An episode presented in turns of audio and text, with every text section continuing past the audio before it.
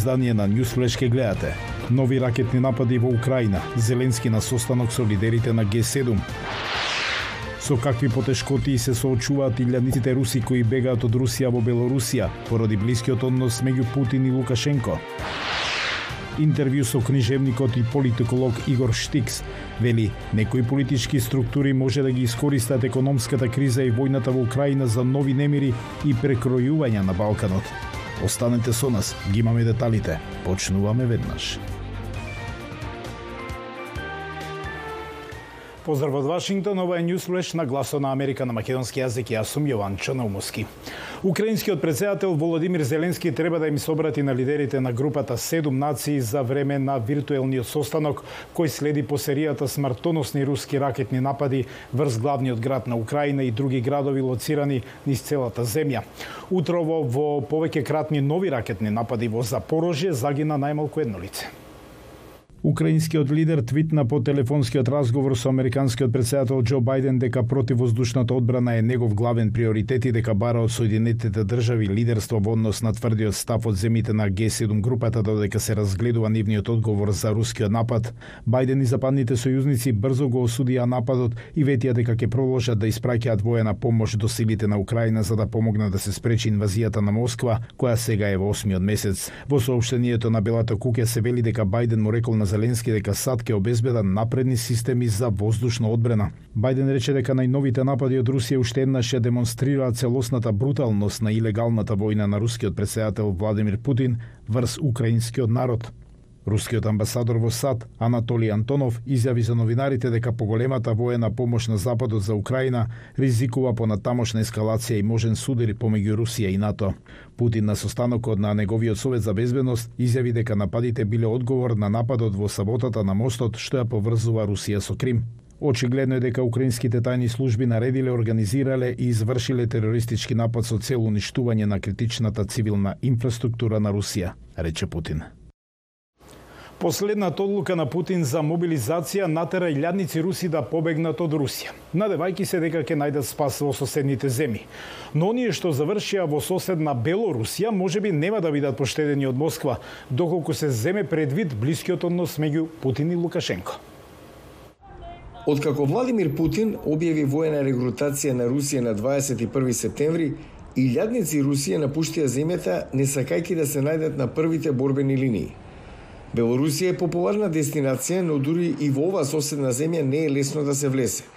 Билетите за воз се распродадени неколку дена однапред. Хотелите во Белорусија немаат слободни соби, редко може да се најдат и апартмани за изнемување. Поборувачката доведе до вртоглаво покачување на цените. Згора на тоа, белоруските органи на прогонот ги следат русите кои бегаат од Русија – Според Дојче Вели и наша нива, локалните полицајци запираат автомобили со руски регистарски таблички, ги проверуваат имотите кои ги изнемуваат и ги проверуваат пасошите на руските мажи на аеродромите. Некои експерти истекнуваат дека председателот Александар Лукашенко има своји проблеми и може би нема да биде толку агресивен како што се надева Москва. Ја бы не сказал то, што кроме этого... Не мислам дека Лукашенко ќе се вклучи во нешто поригорозно од она што веќе се случува. Мислам дека нема да ги следат и приведат руските државјани во Белорусија. Мислам дека се зафатени, а згора на тоа Лукашенко има и постојан недостиг од персонал за спроведување на законот. Други експерти истекнуваат дека Русија го поддржува Лукашенко за време на протестите по председателските избори во земјата во 2020 Изборите беа нарушени со широко распространети обвиненија за измама, а националните протести беа потиснати од режимот на Лукашенко. По настаните од 2020 година, руската полиција со задоволство помагаше белорусите да се вратат дома. Очекувам нешто слично да се случи сега, само обратно.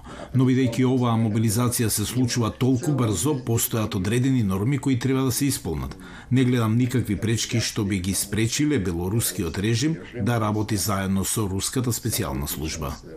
Во меѓувреме, на петмина руси кои патувале со воз од Санкт Петерсбург за Белорусија не им било дозволено да ја напуштат Русија. Еден од нив, за рускиот независен медиум Медијазона, изјави дека бил принуден да го напушти возот непосредно пред границата со Белорусија. Според веб страницата Auto News, Возачите кои патуваат од Русија за Белорусија се соочуваат со потешкоти при преминување на границата. На најпопуларните гранични премини се поставени воени пунктови за проверка на возачите мажи а некои политички структури може да ги искористат економската криза и војната во Украина за нови немири и прекројувања на Балканот. Тоа го вели Игор Штикс, писател и политиколог од Хрватска, кој деновиве гостуваше во Скопје. Со него разговараше Тоша Огњанов. Создавање страв за нови војни, за нарешени национални прашања, за промени на границите. Се можните да следни чекори што политичките елити на Балканот би ги примениле за да се тргне вниманието од економската криза. Така смета Игор Штикс, хрватско-босански književnik i profesor za politički, opštestveni i kulturološki проблематики. Najveći strah jeste da u toj situaciji u kojoj е potpuno jasno da, da se delegitimiziraju te elite na vlasti kao nesposobne, korumpirane, kleptokratske, da se tada ovim populacijama нуди stara pjesma, а to je nacionalno pitanje kao najveće pitanje, kao nerješeno pitanje identiteta, granica, sukoba, potencijalnog rata. Dakle, da će se igrati na kartu straha kako bi se umirila javnost. Со Штик се разговаравме во рамките на фестивалот Букстар во Скопје. Посочи дека сегашната криза може да доведе до превирање на Балканот. Немогучност да плачате дугове, немогучност конечно да покриете енергетски сектор, немогучност да, да о, о, осигурате основне намирнице. Све то води у друштвене немире и у едну кризу коju, за коju ja nisam siguran da ove takozvane političke elite više mogu menadžirati. Обшествените процеси се дел од предавањата на Штикс на универзитетите во Белград и во Љубјана. Вели дека долгиот процес на транзиција низ балканските земји овозможил создавање политичка олигархија наместо демократија. Ali ako želimo demokratizirati demokraciju, onda moramo misliti o nekim drugim oblicima demokracije. Ovo nije jedini. I u tom smislu sam vrlo naklonjen oblicima participacije, deliberacije, uključivanja građana u odlučivanje jer očito je sasvim jasno da ovaj sistem je isključivo tu da legitimizira tu oligarhiju a, koja je na vlasti, koja je na vlasti u ekonomiji, koja je na vlasti u politici, a, radi se o jednoj dubokoj sprezi jeli, te takozvane elite a, koja izgleda nema, čijoj pohlepi nema kraja. Професорот стравува и дека војната во Украина може да стане нечи изговор за нови непријателства на балканско тло. Видимо да различите национално-религијске идеолошке ориентације сматрају да овај рат отвара могуćност неког, неке нове подјеле карате на Балкану. Да nije готово sa 90-тима, jel? И то сматрам најопаснијим овој ситуација. За можно да нестабилност во регионот, посочува прст и кон Европската Унија je Evropska unija napravila veliku grešku s time što je ostavila uh, ovaj balkanski geto uh, da je okružila zemlje Zapadnog Balkana, uspjela je da pripoji Hrvatsku, ali je zapravo napravila jednu dugoročnu stratešku pogrešku sa, s, s time što nije našla načine da integrira uh, i ove zemlje i da ih na taj način barem politički stabilizira.